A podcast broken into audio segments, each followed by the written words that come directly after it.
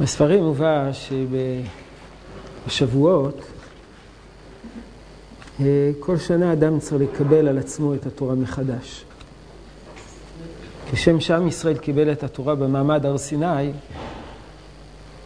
בהאי יומא דקגרים, כך בכל שנה אדם צריך בשבועות לומר, אני מקבל על עצמי את התורה. מקבל על עצמו, לומר, נעשה ונשמע. כאילו קבלה מחודשת של התורה. כל השנה תורה, כל השנה כולה, אנחנו מקיימים את התורה מכוח איזו אנרציה פנימית. אבל פעם בשנה אדם צריך לעמוד מול עצמו, מול השם, ולומר, אני מקבל על עצמי לקיים את התורה. יש משמעות רבה לקבלה הזאת. לא, לא רק קיום, לא רק ביצוע בשעת מעשה, אלא מוכנות נפשית לקיים את התורה בכל מה שידרש, בכל מה שיתבקש. זה המושג של קבלת עול מלכות שמיים, קבלת עול מצוות. ידועים, ידועים דבריו של רבנו יונה בפירושו לפרקי אבות, על המשנה שכתוב, מי שמעשיו מרובים מחוכמתו, אז חוכמתו מתקיימת. לעומת זאת, אם חוכמתו מרובה ממעשיו, אז אין חוכמתו מתקיימת. שחוכמתו מרובה ממעשיו, אפשר להבין, שאדם יודע הרבה ומקיים מעט. חוכמתו מרובה ממעשיו, אין חוכמתו מתקיימת. אבל שאל רבנו יונה, מה זה נקרא שמעשיו מרובים מחוכמתו? איך אדם יכול לעשות יותר ממה שהוא יודע? חוכמתו, מעשיו מרובים מחוכמתו. איך, הוא מקיים מצוות שהוא לא יודע לעשות אותן? אז אומר רבנו יונה, מדובר באדם כזה, שלא יודע את כל התורה כולה. הוא לא יודע.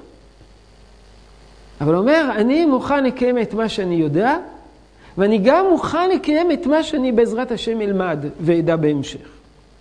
מעשיו מרובים מחוכמתו. הוא מוכן לעשות גם את מה שהוא עדיין לא יודע.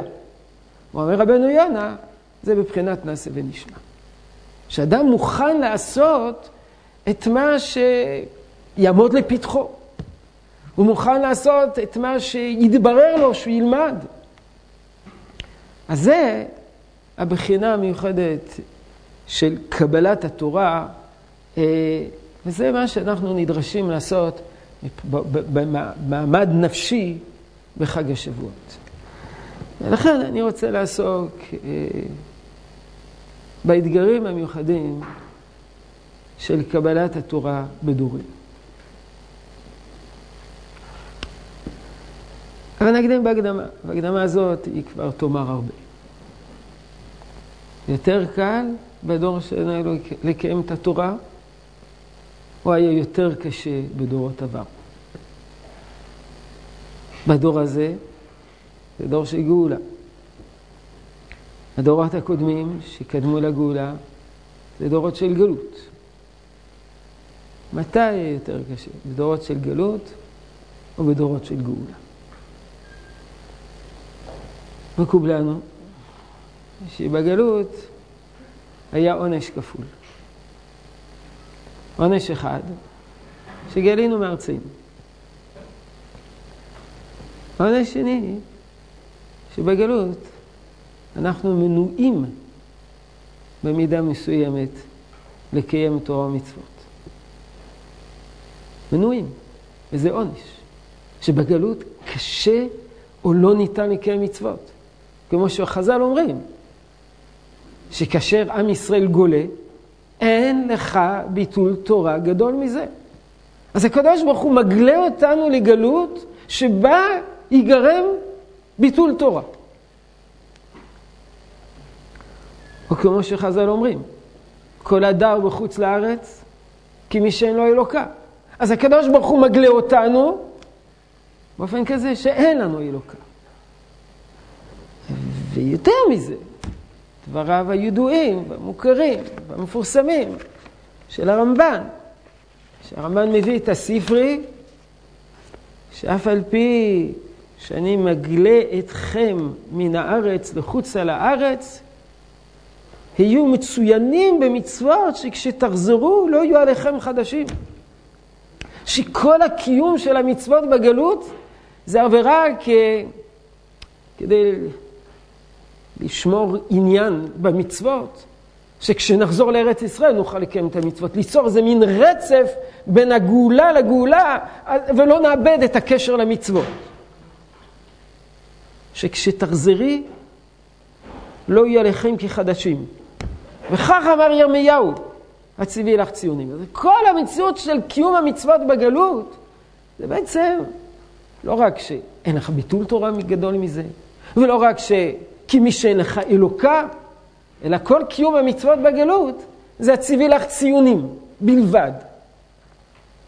אחר כך הרמב"ן אומר שזה לא רק לגבי מצוות התלויות בארץ, אלא מתייחס גם לתפילים ומזוזות, כי עיקר כל המצוות ליושבים בארץ השם. אז אה, תשאלו, אנחנו גולים מארץ ישראל בגלל אי קיום מצוות. אז הקדוש ברוך הוא מעניש אותנו בזה שלא נקיים את המצוות. אז כל אחד אמור לדעת. זה דברים מפורשים ברמב"ם. הרמב"ם הלכות תשובה, אחרי שהוא מסביר שעיקר השכר זה בעולם הבא. אז שואל הרמב"ן, או שואל הרמב"ם, אז מה זה, מה זה השכר בעולם הזה? מה, מה, מה זה?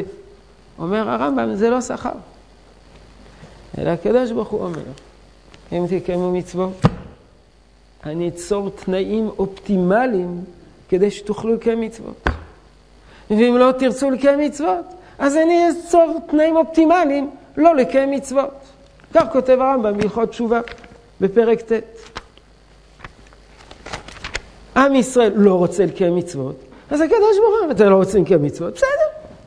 אסדר לכם שלא תוכלו לקיים מצוות.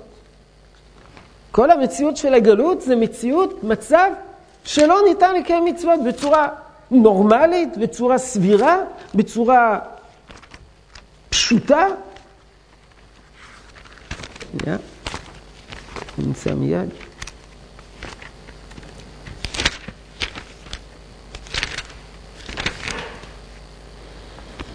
אומר הרמב"ם, מאחר שנודע שמתן שכרם של מצוות זה חיי עולם הבא, אז מה זה שכתוב בתורה כולה, אם תשמעו, יגיע לכם כך וכך?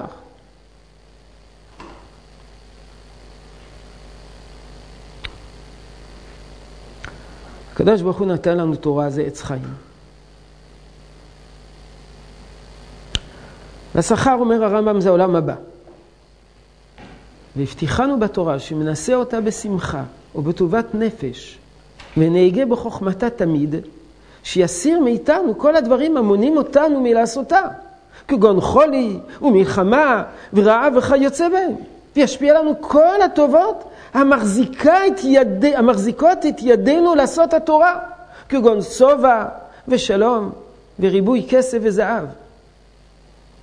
כדי שנהיה פנויים ללמוד בחוכמתה ולעשות המצווה, כדי שנזכה לך העולם הבא. לכן הודיענו בתורה, שאם נעזוב את התורה מדעת ונעסוק באבלי הזמן, שדיין האמת יסיר מן העוזבים כל טובות העולם הזה, שהם חזקו ידיהם לבעוט ומביא עליהם כל הרעות, המונעים אותם מלקנות עולם הבא, כדי שיעבדו ברשעם. אז כל מציאות הגלות זה מציאות שבה, המציאות של הגלות זועקת ניגוד לתורה.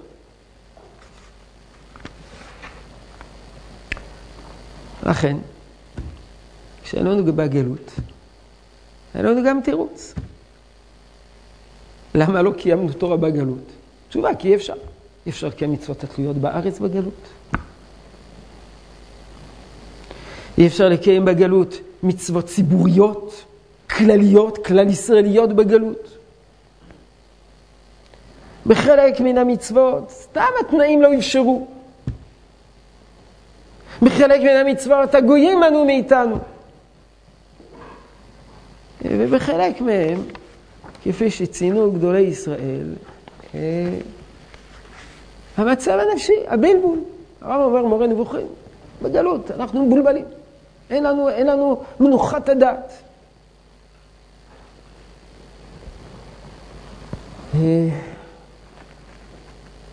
וזה המבחן של עם ישראל בגלות. המבחן של עם ישראל בגלות זה מבחן של קיום מצוות על אף הכל ובניגוד לכל, או בניסוח הכי פשוט. המבחן והאתגר של קיום המצוות בגלות זה הקיום מצוות מתוך מסירות נפש. אלפיים שנות מסירות נפש לתורה. זה היה בעצם האתגר של עם ישראל בגלות. כל התנאים אמרו לא תורה, ועם ישראל למרות זאת מקיים תורה, מתוך מסירות נפש. לטבול בנער קפוא, לעמוד בלעג של אומות העולם, גזרות על קיום הדת, זה מה שאפיין את הגלות. ללמוד תורה מתוך רב. אימא שלי מספרת שבחג הסוכות בפולניה היינו צריכים לפלס את הדרך לסוכה שהייתה בחצר, לפלס את הדרך בשלג. עם עת חפירה היו חופרים בשלג עד שהיו מגיעים לסוכה. זה, לזה התורה התכוונה, חג הסוכות, בתוך שלג. איגלו, זה סוכה. כל המציאות הזאת, זה, זה כפי שכותב הרב באורות, התורה בגלות, התורה בחוץ לארץ, שזה הגלות, זה תורה בניגוד לטבע. התורה בארץ ישראל זה תורה עם הטבע.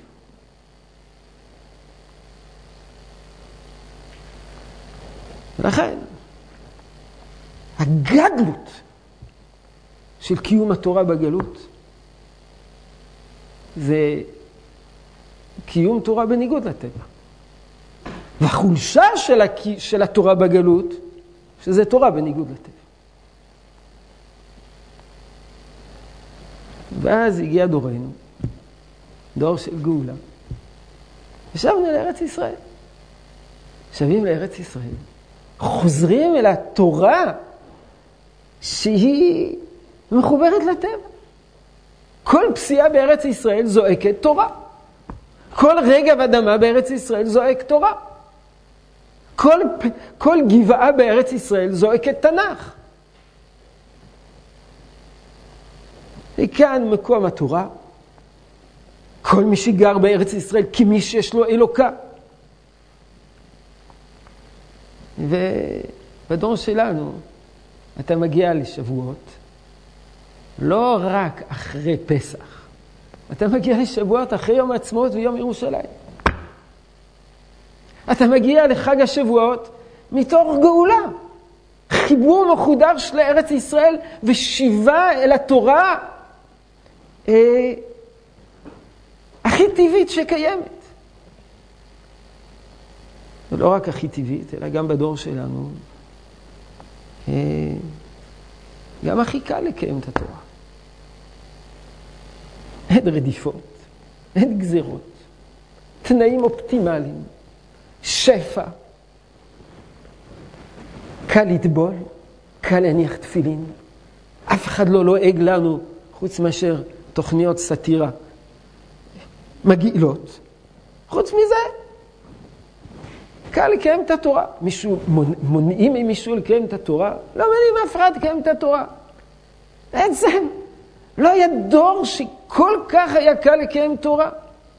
ולעיתים נדמה שממש מתקיימים דברי הרמב"ם, שבו הוא חותם את ספר יד החזקה, את משנה תורה, בהלכות שופטים, שעליו, על, על, על כך אה, נכתב שיר. לא נתבעו החכמים והנביאים ימות המשיח, אלא כדי שלא ישלטו על כל העולם, לא כדי שלא ישלטו על כל העולם, ולא כדי שירדו באומות העולם, ולא כדי לאכול ולשתות, אלא כדי שיהיו פנויים בתורה וחוכמתה, ולא יהיה להם נוגס ומבטל, כדי שיזכו לחיי עולם הבא, כמו שביארנו בהלכות תשובה. זה הדור שלנו. אפשר ללמוד תורה, ישיבה, לומדים תורה. אפילו הצבא מוכן שנלמד תורה בישיבת הסדר. מה? מופלא שבמופלאים. ממש מתקיימים דברי הרמב"ם פה. אז... אז דבר ראשון, בדור שלנו אין תירוץ. אין תירוץ. אתה לא להגיד, שמע, זה בגלות, אומות העולם, רודפים אחרינו, לא נותנים לנו מנוח, לא מאפשרים לנו ללמוד תורה. אף אחד, לא, לא מאפשרים לנו לקיים מצוות. כל המציאות זועקת, קיים תורה.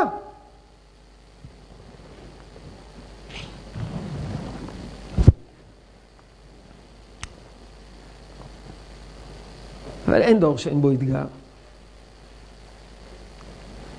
אני רוצה לדבר על שלושה אתגרים מיוחדים, ולא רק בשביל להגיד שיש לנו אתגר ויש לנו תירוץ, אלא מכיוון שהאתגרים האלה זה אתגרים שאנחנו צריכים להתגבר עליהם.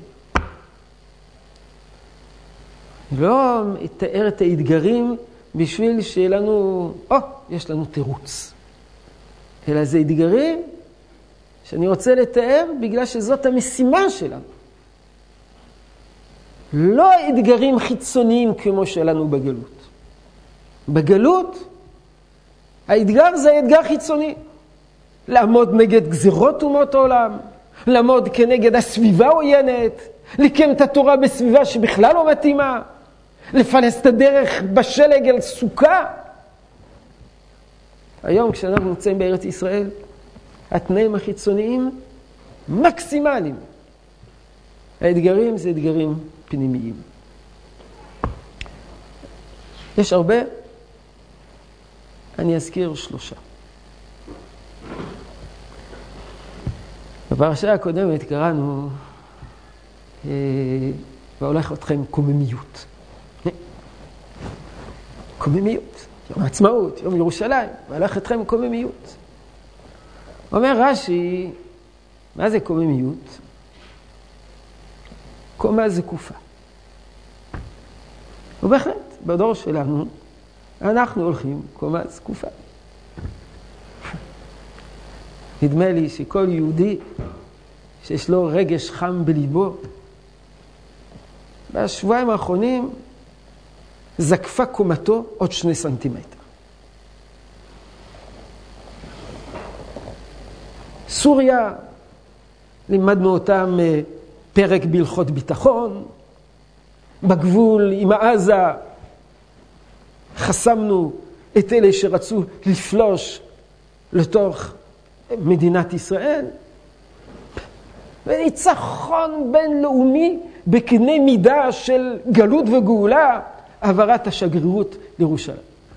כל יהודי מסתובב היום בארץ ישראל וזקפה קומתו, וזה לא רק השבוע, אנחנו כבר מאז הקמת המדינה, וודאי וודאי מאז מלחמת ששת הימים, הולכת קומתנו ונזקפת יותר ויותר.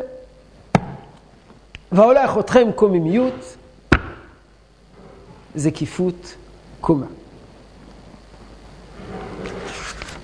אני שואל השפת אמת, והולך אתכם קוממיות. פירש רש"י מתורת כהנים, בקומה זקופה. אבל חכמים אמרו שאסור ללך בקומה זקופה.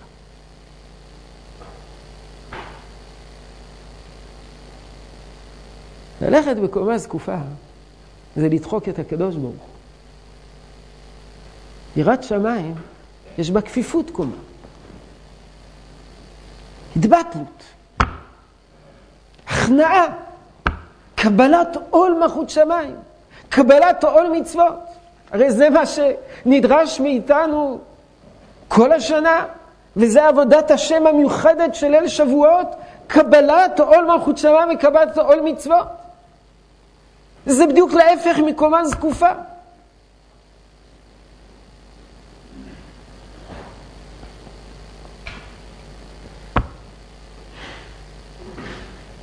אי אפשר, אומר השפת אמת, לקבל יראה רק על ידי כפיפות קומה והכנעה רבה.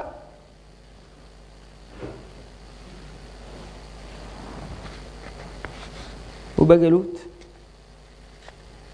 היה קל מאוד לא להסתובב בזקיפות קומה. מסיבה פשוטה, כי לא נתנו לנו במשך אלפיים שנה לזקוף את קומתנו. הסתובבנו בגלות אלפיים שנה כנאלחים, מזקנים. כופפו את קומתנו. לכן באופן טבעי קומתנו הייתה, הייתה כפופה במשך אלפיים שנות גלות. ומי שמסתובב בגלות בכפיפות קומה, אז גם קל לו להיכנע בפני הקדוש ברוך הוא. הסתובבנו אלפיים שנה בגלות, כאשר מה אמרנו לעצמנו? אין לנו אלא לשנן, להישען, אלא על שבשמיים. איננו בך תלויות, אין לך שיעור אל התורה הזאת. אז, אז היראה הייתה פשוטה. אנחנו היום מסתובבים עם גב זקוף שמתיישר והולך, לאט לאט מסירים את, את, את, את העול מעל צווארינו. אז אומר, השפת אמת, איך אפשר? איך אפשר? זה סותר. אנחנו מסתובבים גאים.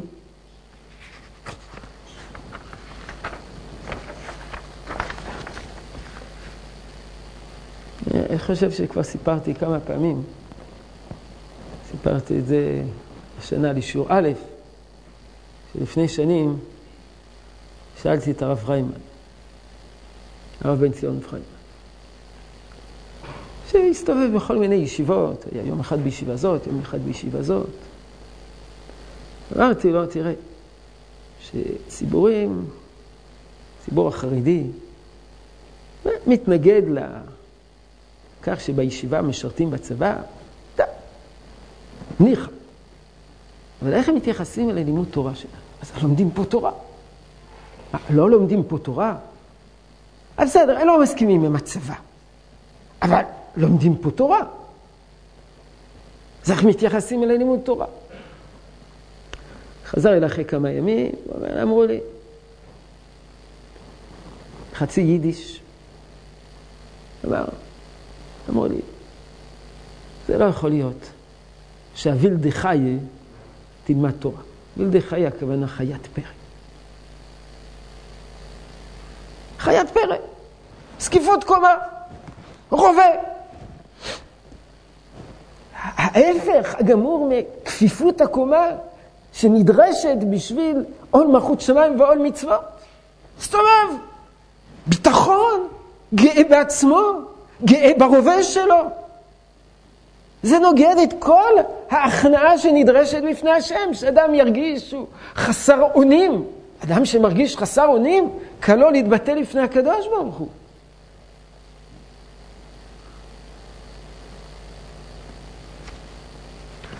אומר השפת אמת,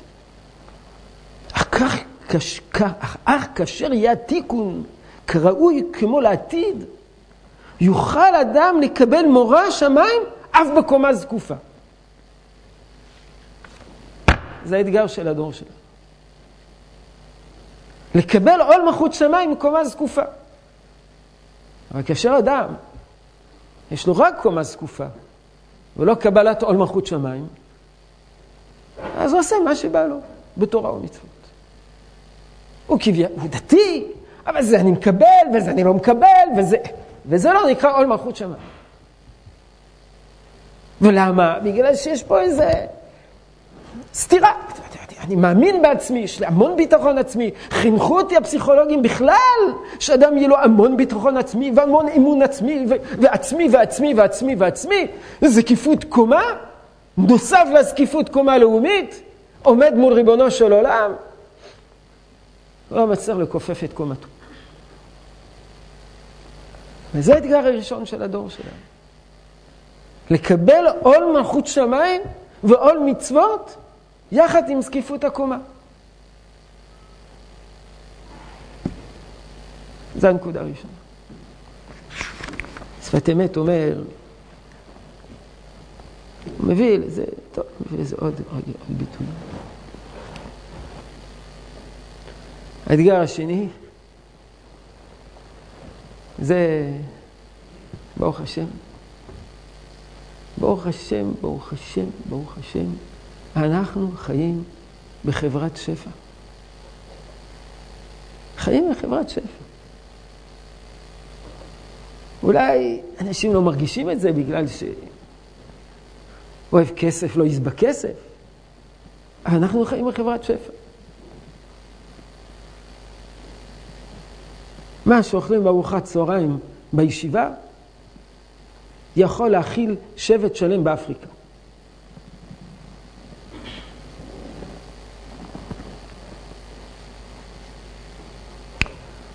חז"ל אומרים בגמרא שיש אה, יש אה, אתגר בקיום התורה מעוני. ויש גם אתגר בקיום התורה מאושר. כך הגמרא במיום דף ל"ה אומרת.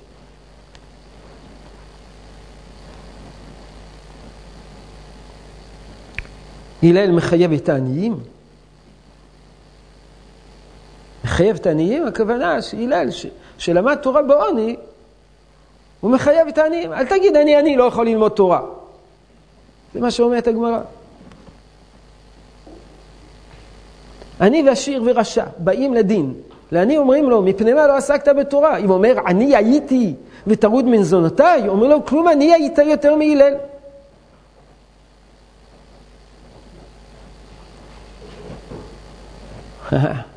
עשיר.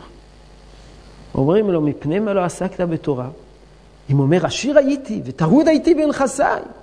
אומרים לו, כלום היית עשיר יותר מרבי אליעזר. ואז הגמרא מונה שרבי אליעזר יש שיר מופלא, ספינות ועסקים. ועסק בתורה. רבי אליעזר בן חרסום מחייב את העשירים. אז הגמרא מדברת על הפרט. אבל הוא כותב בהלכות תלמוד תורה, על סמך הגמרא הזאת, כותב הרמב"ם, מסתבר שזה מהגמרא הזאת, בפרק א' מהלכות תלמוד תורה, כותב הרמב"ם. כל איש מישראל חייב בתלמוד תורה, בין עני, בין עשיר. אבל מה שמייחד את הדור שלנו, שזה לא העושר של הפרט, העושר של האומה, מה שנקרא חברת שפע.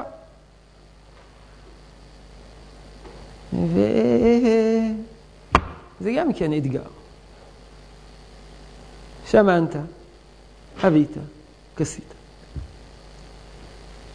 דווקא ברכה אלוקית, שהרמב"ם אומר שעשויה ועניינה לעזור לאדם לעבוד את השם.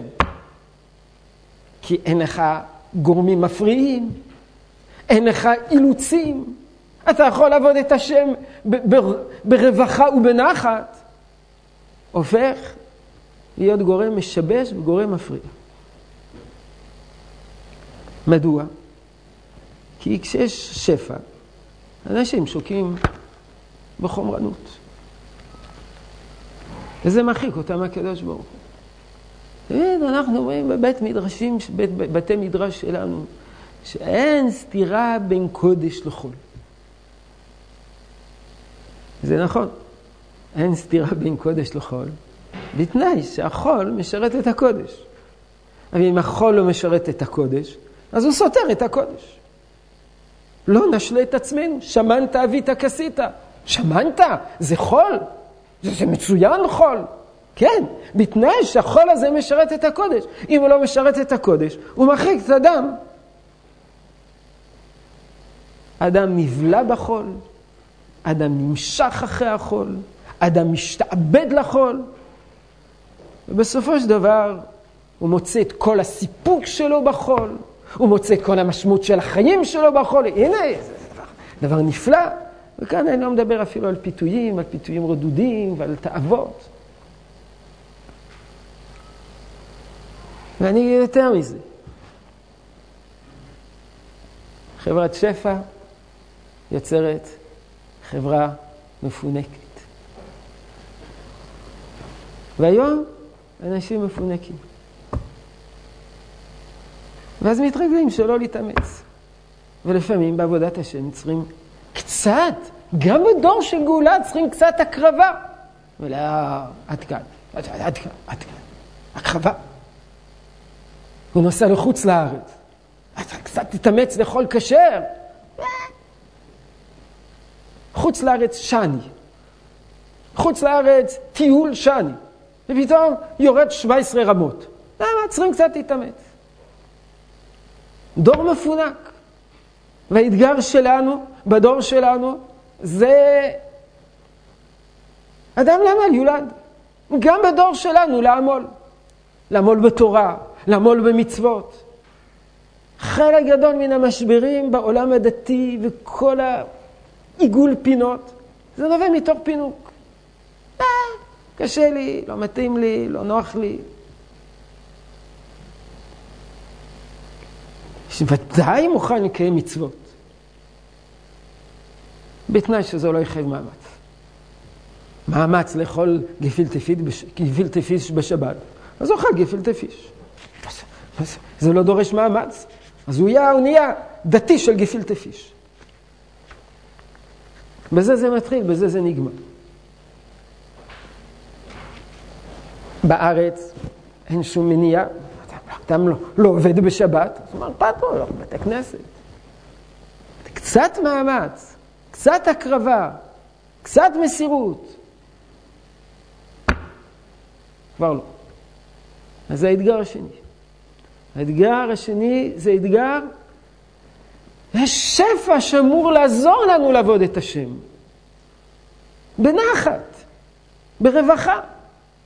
אני זוכר, פעם אחת שמעתי מדודי, שכשהוא היה בגיל צעיר, הוא למד בישיבה בפולניה, לא היה מה לאכול, רעבו מתחילת השבוע עד סוף השבוע.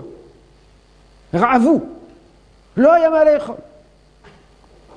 לא ויכוח שניצל כזה, או פרגית בצבע כזה, או עוף בצבע כזה. ולא נאריך. לא היה מה לאכול. לא היה מה לאכול. רעבו מתחילת השבוע עד סוף השבוע, ולמדו תורה.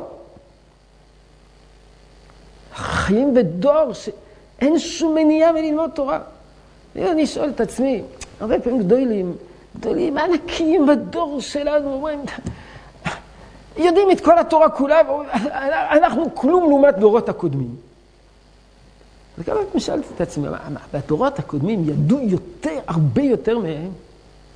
אז לאחרונה קראתי מאחד מהגדולים של הדור שנפטר לפני כמה שנים, שתלמיד חכם עצום. אז הוא אמר, אנחנו יודעים המון תורה, אבל זה לא דרש מאיתנו המון מסירות. בדורות הקודמים למדו תורה מתוך מסירות עצומה. בגלל שהתנאים לא אפשרו. זה, ה... זה האתגר השני של הדור שלנו, של קבלת התורה. להיות מוכן לקבל תורה, לימוד תורה וקיום מצוות, גם כשזה דורש עמל. הנקודה השלישית, שהיא קשורה כבר יותר, דברים יותר עדינים של חיי הרוח, זו נקודה שאולי מקום להרחיב עליה את הדיבור המון, אבל כשעושים רשימה של האתגרים של הדור שלנו, אז אי אפשר להימלט מלהזכיר אותה, שאנחנו חיים בדור שחלקים ממנו נהנים מאוד מאוד מאוד לחיות במצבים נפשיים של אי-בהירות. זה אחד המאפיינים של חברה פוסט-מודרנית. תענוג רוחני לחיות מתוך תודעה של ספק, בערפל. לחיות על התפר, לא להכריע ולא להתמסר, הכרעות ברורות וחד משמעיות נתפסות כקיצוניות, פונדמנטליזם. אתה צריך לחיות קצת פה וקצת שם. לא אמירות חד משמעיות. אנחנו חיים בדור של הכלה וגמישות, שלפעמים זה נצרך, אבל זה הופך להיות הכלה וגמישות לא רק של הזולת, גם של אני בעצמי, אני, אני מכיל את עצמי. בתור יצור אה, רב-ממדי ולא ברור. ויש אומרים שעל כך נאמר, שזה אחד המאפיינים של דור של עקבתא דמשיחא, שהאמת נעדרת, נעדרת בעין. בכל הדורות תמיד היה בעיות של אמת. אבל בדור שלנו האמת נהדרת, פירושו של דבר, זה מצב תודעתי שהאמת תהיה נעדרת. כשנוהגים לאפיין את הדור שלנו, אז יש רשימה של אפיונים שקשורים לזה. אחד שהזכרתי, ספק ואין אמת, ערעור סמכויות, לא אישים, לא ספרים, לא ממסדים. שלב הבא, ערעור, ספורט. ספורט כזה, לערער על כל הערכים המקובלים. פירוק האידיאולוגיות, ובסוף נשארת אה, זהות. אדם לא ידע מי הוא ומה הוא, בכל המובנים, בכל הצדדים, שאלות של זהות. כפי שהזכרתי, יש קסם מיוחד לספקנות. היום זה ביטוי של אינטליגנטיות. אתה מערער, אתה לא יודע, אתה לא יודע צדקת הדרך, אולי הוא צודק, אולי זה צודק, אולי ערבים צודקים, אולי אנחנו צודקים, מי יודע? אז אתה איש תרבות בשיא המפואר. אם יש לך עמדות חד משמעיות, אז אתה, אתה שייך לעולם החשוך. עמדות נחצות נתפסות כקנאות. וזה האתגר שלנו. למה? בגלל שמשה אמת ותורתו אמת. כל היסוד של התורה זה הגדרה, הקביעה שיש פה אמת. אמת מוחלטת. ואנחנו נמצאים בסביבה שלא רוצה לקבל איזה אמת מוחלטת. כל המושג הזה של משה אמת, תורתה אמת, זה דבר ודאי, חד משמעי. מסביבי אני שומע כל מיני אנשים, תראה, שעשרה עיקרים לרמב"ם, אה. זה פסה, 13 עיקרים לרמב"ם. זה פסה. זה פסה. אז מה? לא יודע מה. אז אני יודע שהייתה מחלוקת. היו ראשונים שאמרו לא 13 עיקרים, ספר עיקרים אמר שלושה עיקרים, והיתר זה ענפים. יודע את כל זה. אבל כל המושג הזה ש, שזה עיקר, אין עיקר. זה טשטש, זה טשטש, זה, זה משהו מאוד מאוד אה, מעורפל. אה, זה טוב. הרב קוק כותב בספר אורות, שהוא בניגוד לפולחן האלילי, שאלילים היו מאוד פלורליסטים. כידוע, כל אומה שכבשה אומה אחרת, אימצה לקרבה את אלילי האומה האחרת. כאלילות. היה משהו מלא אלילים, מלא אמיתות קטנות. אז ממימים עוד כמה אמיתות, עוד כמה. הרב קוק כותב באורות, האמת היא קנאית. אנחנו קנאים. ולא צריך להתבייש מהקנאות שלנו. כלומר, זה השקפת עולם שלנו, זה הגבולות שלנו. זאת האמת, ואין בלתה. להתנצל ארבעת אלפים פעם. כן, אבל אולי. וזה אחד האתגרים של הדור שלנו. כאשר הכל מתערער, מתערער מסביבנו, ויש הילה, הילה לערעור הזה, הילה לספקנות הזאת, לבוא ולהגיד, לא, זאת האמת שלנו. והיא ברורה, והיא חדה. כמובן, אנחנו יודעים שבתוך התורה יש מחלוקות, פשיטה. זה לא, זה לא הנושא. בתוך התורה יש צדדים שונים, אבל יש גבולות, ויש איזושהי אמת. לא, זה, לא יודע אם היה מתן תורה, לא היה מתן תורה, כן היה מתן תורה, לא היה מתן, כן, כן תורה מן השמיים, התורה לא מן השמיים. וזה כל הבלבולים האלו, שניזונים מהאווירה. אם, אם אתה תגיד שאתה אתה מסופק עם אשתו מן השמיים, אז אתה, אתה, אתה נשמע הרבה יותר נאור. האתגר שלנו, בדור שלנו, זה להכריע. להכריע שזאת האמת. ולא להיסחף בזרם. על כן, בזה אני אסיים. אנחנו נמצאים בדור שבה כל התנאים החיצוניים זועקים תורה, תורה ומצוות. כל אבן בארץ ישראל זועקת. כל גבעה שאנחנו מטיילים פה בארץ ישראל זועקת תורה ותנ"ך. כל השם קורא אלינו, קיימו את התורה. האתגרים שלנו בדור שלנו זה לא אתגרים חיצוניים. זה אתגרים רוחניים, נפשיים. איך לקיים תורה מתוך זקיפות קומה. מבלי שזקיפות הקומה תזכור, תסתור את ההתבטלות, ביטול היש בפני הקדוש ברוך הוא. איך לקיים תורה מתוך עושר, מתוך שפע, ולא לשקוע בחומרנות ובפינוק. הדבר השלישי, כאשר יש חגיגת הספקנות, לא להסס. להשמיע קול חד וברור של אמונה ברורה, אמיתית, מבחינת עיקרים של הרמב"ם, משהו שהוא מוצק.